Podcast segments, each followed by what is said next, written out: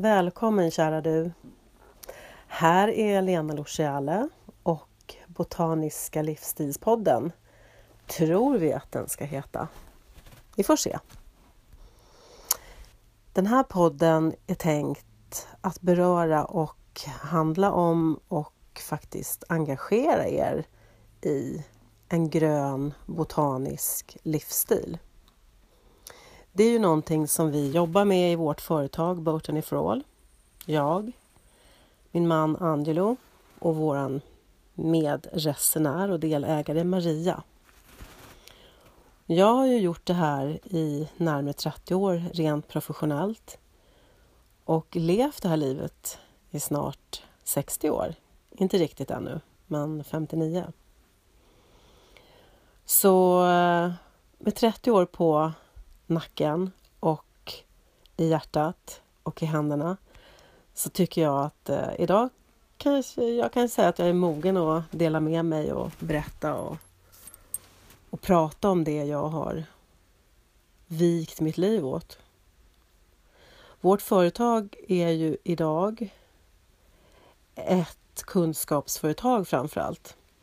Vi eh, har utbildningar där jag håller ekologisk hudvårdsterapeututbildning och den innehåller ju enorma mängder botanik men också eh, en stor förståelse och en holistisk syn på människan och hur vi lever, hur vi mår, vad vi äter, vad vi dricker, vad vi smörjer oss med, vad vi konsumerar.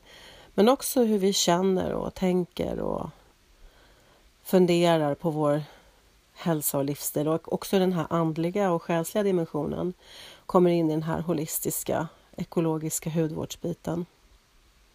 Det är den utbildningen som egentligen har eh, spridit sig mest och betytt mest yrkesmässigt för oss därför att det är så lätt att få människor intresserade av skönhet. Och det är ju jättehärligt. Där eh, i den utbildningen så pratar jag mycket om vad skönhet är och vad det är vi smörjer på huden och vad som finns idag. Att välja mellan både den traditionella, mindre roliga hudvården och den botaniska, avskalade, rena hudvården och så alla de här mellanskikten emellan det här. Det kommer jag gå in på i flera poddar, eh, till och från, lite som det passar och faller sig. Jag kommer nog följa en del av det som jag undervisar i, alltså botanisk dermatologi, fytoterapi. Fytoterapi är ju läran om växter och växters påverkan på oss människor. Dels hudmässigt, men också hur vi kan dricka och äta dem. Botanisk dermatologi, det är också kanske en ett icke-ord, för botanisk dermatologi finns ju inte, men botanik och dermatologi är två olika koncept, eller olika grepp kan man säga. Ett taget ifrån växtriket och hur växter ser ut och hur deras hud och organfunktioner ser ut. Och sen hur vår hud ser ut och vad vi är uppbyggda av och hur vår huds fysiologi är och hur vi kan möta vår huds yttre behov med växter och också även den inre hudens behov med växter. Så just eh, botanisk holistisk dermatologi, det är ju så många olika saker och, och, och dermatologi i sig självt är också otroligt stort och väldigt spännande. För det finns så många olika funktioner där. Sen har vi ju den här eh, spännande biten med fytoterapi, alltså råvarorna från växtriket. Där vi har eh, allt ifrån själva växten, örten, Eh, till vad man kan utvinna ifrån den som växtolja som man då pressar ifrån nötter, frön, frukter och skal. Och eh, sen har vi eh, eterisk olja som är en liten doftande körtel som finns i växter som doftar mycket och den kan man utvinna på olika sätt och det är som en värld i en värld. Den eteriska oljan är en del av växten men den är också som en liten isolerad cell kan man säga och har en egen inre värld full av ämnen som påverkar växten själv Men också som sprids ut från växten som en underbar doft som i sin tur påverkar djurliv och ekosystem runt omkring växten som bin och humlor och fjärilar och andra flygfän och insekter. Den eteriska oljans värld det kallas ju ofta för aromaterapi. Det är den andra stora utbildningen som jag har, botanisk aromapedagog. Och där eh, lär man sig om hur man kan använda eteriska oljor i sitt liv på ett modernt sätt, men med en ursprunglig kontakt med historien. Hur har vi använt eteriska oljor? Vad gör de? Och vad är de till för i sig själva i växten? Och sen har vi ju en annan bit i det här med fytoterapi, alltså råvarorna från växtriket. Och det är idag i Sverige någonting som börjar växa fram mer och mer, har funnits länge i andra länder. Och det är hydrolater. Och hydrolater som också kallas för hydrosols på engelska. Det är ett vattenburet eh, växtämne eller vatten buren växtdel, växtdelar där man destillerar växten för att få fram hydrolater som är en slags tunn, mild, skör, fin kopia av den eteriska oljan fast oerhört mycket mildare. Den eteriska oljan har ju en extrem potens.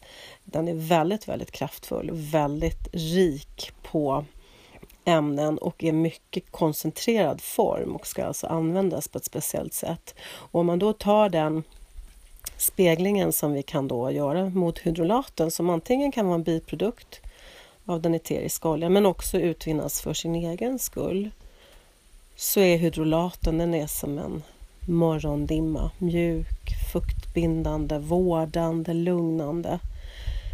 Och har alltså egenskaper som den eteriska oljan fast utan den här lilla, lilla, lilla effekten av att den eteriska oljan är mycket, mycket koncentrerad och ska inte användas ren på huden om man inte vet exakt vad det är man gör. Hydrolaten den kan du bada i. kan du till och med dricka. Det är som det mildaste, finaste örtte. Sen har vi ju rena örten själv också och den eh, rena örten själv är väldigt spännande. Många glömmer bort den för den använder vi väldigt mycket i hudvård. I våra hudvårdsbehandlingar men också att dricka örtteer och örtdekokter som vårdar inifrån och ut och sen kan man vårda med örten utifrån och in. Sen har vi ju växtsmör, någonting som vi tycker är väldigt spännande och som också har visat sig vara väldigt bra för att många av de här växtsmören som vi har, tre stycken eh, åtminstone, Bakuri, Tokuma och Okuba, är från eh, Brasilien och regnskogsområdena i, i Sydamerika. Och det innebär ju att när man använder de här växtsmörjen så finns det ju en anledning att bevara träden och inte fälla dem. Så då är det en, en miljöinvestering att vi kanske använder växtämnen som är förnyelsebara som odlas på, eller växer vilt, men, eller odlas på ett etiskt eh, gynnsamt sätt för den ekologiska mångfalden. Och att vi tar det här ansvaret. Det gör ju vi hela tiden som företag. Det ser vi till, så det behöver inte du tänka på. Ditt steg när du köper en produkt eller en råvara är ju att du tar dig ansvaret att köpa en, en produkt som verkligen är så skonsam som möjligt mot alla ekosystem och på sikt också bevarar växtriket och ekosystemen och den här mångfalden som finns där. De här smören som vi har då, Tokuma, okuba och Bakuri, är tre stycken som faktiskt gör det. Och det är ju jättekul. Lite miljökämpe där i, i badrummet. Sen har vi ju eh, leror som vi använder och vi har någonting som vi kallar för Black Soap som är en mjuk, krämig, icke hård olivtvål. Eh, sen har vi den klassiska olivtvålen, den Aleppo-tvålen från Syrien som då innehåller lagerbärsolja som gör den så antiseptisk och fin och mjuk och milt rengörande utan att skada huden.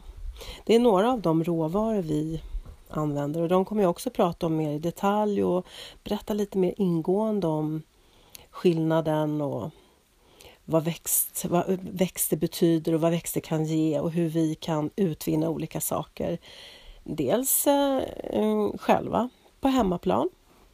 Enkla utvinningar som mastrationer och tinkturer i, i råvaror som äppelcidervinäger och olivolja. Men också lite mer avancerade utvinningsmetoder som destillationer och så vidare som vi själva kommer försöka bekanta oss med i vårt företag. Så det kommer också bli mer om i framtiden. Nåväl, mycket har jag att prata om. Jag eh, kommer djupdyka in i huden som känslosäte. Jag kommer prata om huduttryck, alltså olika typer av hudar och vad de, vad, den försöker, vad de försöker berätta för oss när man får en finne eller en pormask eller en pigmentsförändring i olika delar av ansiktet. Lite om kroppshuden. Jag kommer prata väldigt mycket om eh, vikten av hur man sköter sin hud. Jag kommer också prata mycket om eteriska oljor, aromaterapi och örtterapi. Kanske slänga in en liten meditation då och då. Ja, det finns ju mycket. Jag har gjort mycket, jag har gått många utbildningar, många kurser. Hittat på både det ena och det andra. Allt sysslar jag inte med idag, men allt jag har lärt mig har jag lärt mig för att ta den kunskapen som jag tycker verkar intressant ifrån olika discipliner, från olika inriktningar som psykologi, botanik, hud, aromaterapi, ja, lite så. Så jag har tagit det och sen har jag kommit tillbaka till centrum hela tiden och centrum för mig det är växtriket.